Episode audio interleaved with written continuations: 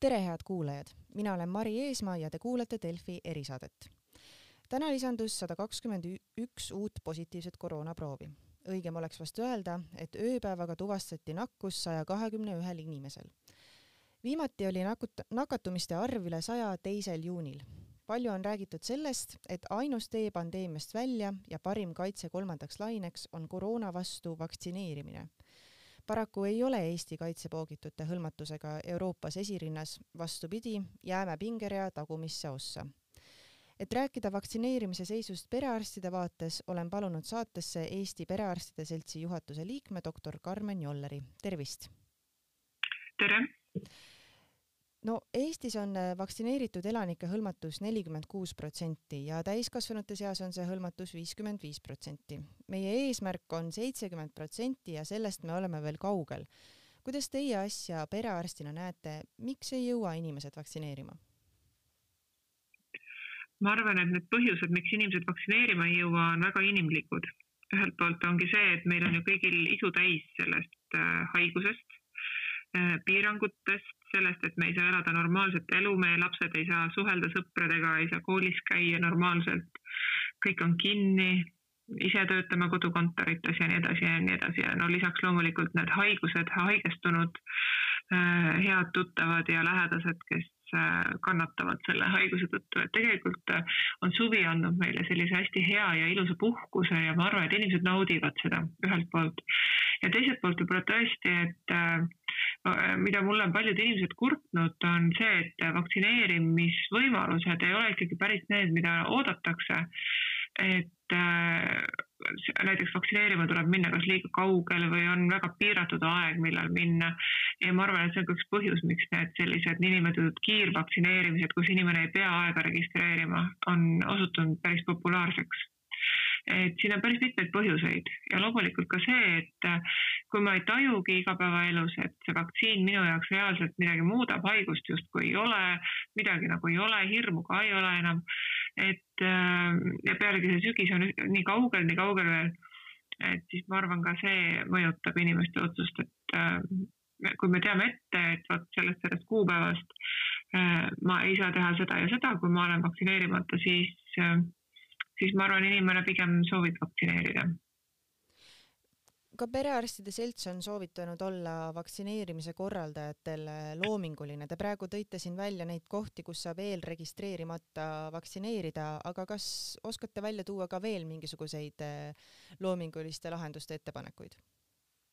No tegelikult on ju oldud ka loomingulised, no kasvõi seesama, et räägiti, et saab tasuta pileteid muuseumisse või teaduskeskusesse või midagi sellised, et see on ka hästi lahe või ma ei tea, loositakse midagi vaktsiini, vaktsineeritute vahel välja. Või siis äh, no miks mitte teha a la öövaktsineerimised teha, noh, igasuguseid asju võib teha, aga, ja, ja käiakse ka üritustel, mis on ka tore, et suurematel üritustel on see buss käinud kohal ja, ja väiksemates asulates võib-olla ja nii edasi. aga noh, seda annab veel rohkem teha ja miks mitte kaasata kogukonda sinna, kohalikke omavalitsusi ja et teha sellest ikkagi Eesti ühine ühine nagu üritus või eesmärk saada see vaktsineeritute hulk täis.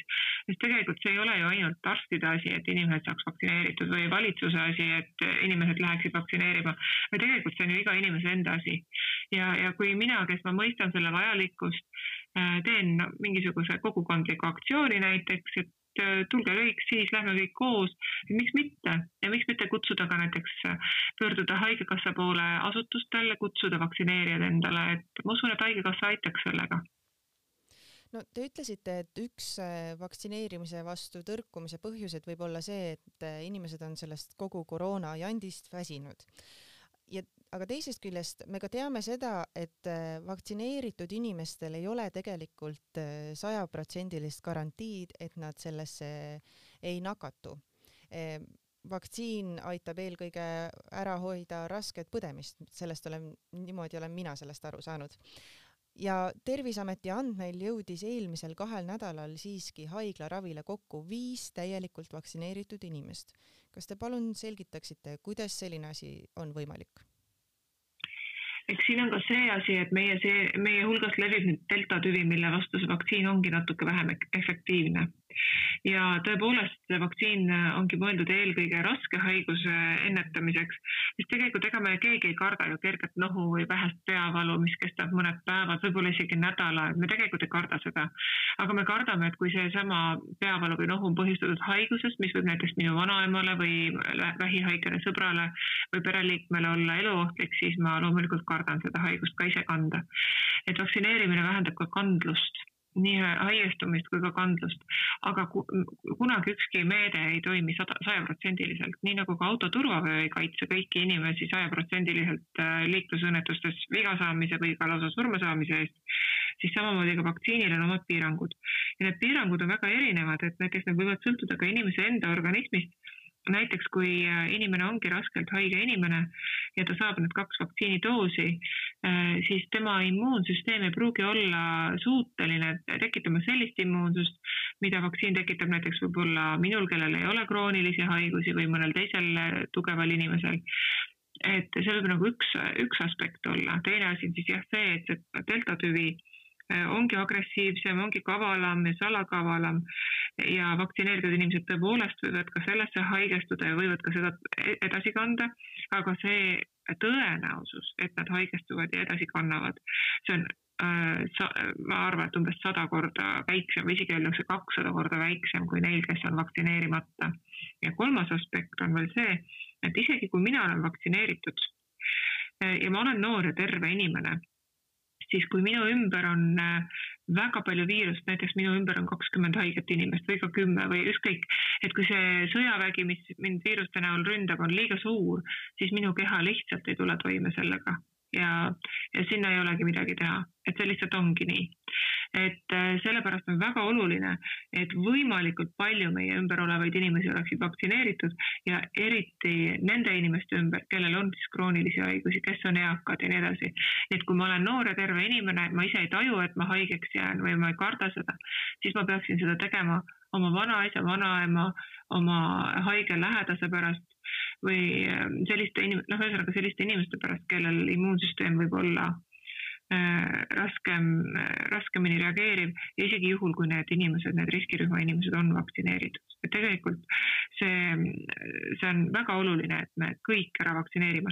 ühel päeval, kui koroonaviirus on meie jaoks igapäevane haigus, mis ei tekita enam paanikat nii hirmsasti, et siis võib-olla me saamegi piirduda sellega, et me vaktsineerime ära ainult no näiteks ainult need riskirühmad, pluss siis need, kes lähedalt töötavad nende inimestega või kes kohtuvad nendega sageli või elavad koos. Aga täna me oleme olukorras, kus meil on pandeemia ja sellepärast absoluutselt iga üksiku inimese vaktsineeritus on äärmiselt oluline. no räägime natukene sellest ka, mida perearsti, perearstide selts edastas äh, siis valitsusele ja te ütlesite ise ka eilsel Terviseameti pressikonverentsil, et valitsus peaks langetama otsuse, et alates oktoobrist on vaktsineerimata inimestele konkreetsed piirangud ühiskonnaelus osalemiseks. Et millist tagasisidet olete seni selle avaldusega seoses saanud ja kas ka valitsuselt? Äh, no kui ma nüüd vaatan tagasisidet, just tuli mulle üks, äh, üks avaldus, kus inimene ütleb, et ma näen kohutav välja nii oma tõekspidamistes kui päriselus.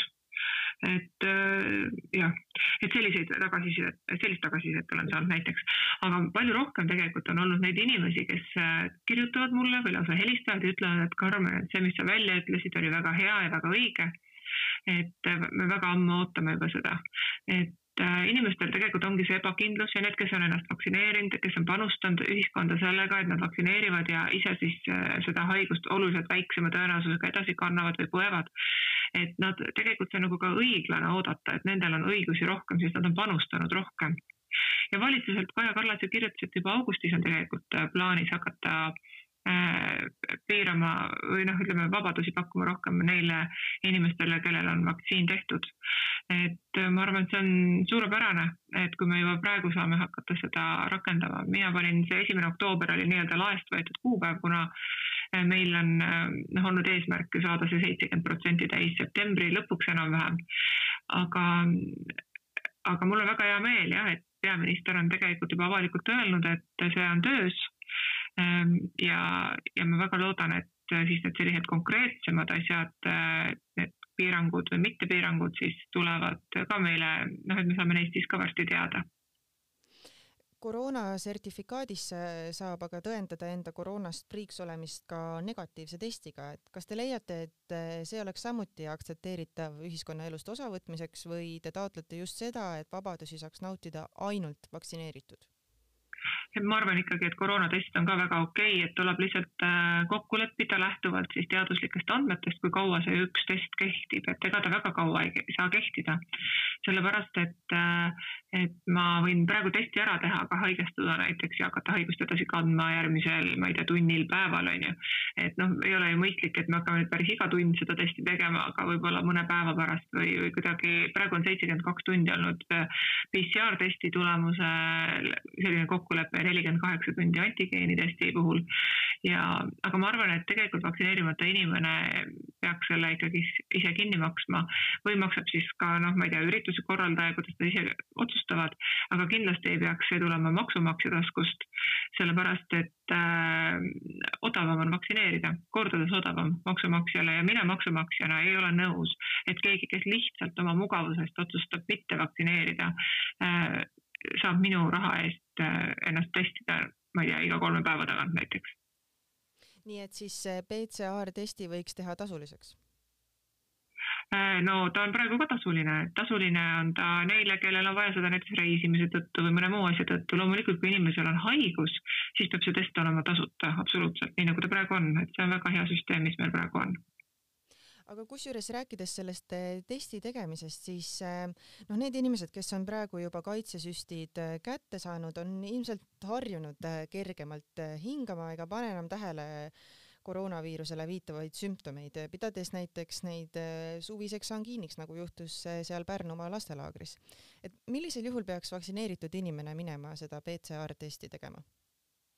igal juhul peaks absoluutselt, kui on äh, infektsiooni sümptomid, siis tuleks teha, sõltumata vaktsineeritusest ja, ja seda me oleme teinud tegelikult äh, ähm, algusest peale. et ka mina vaktsineerituna olen käinud testi tegemas.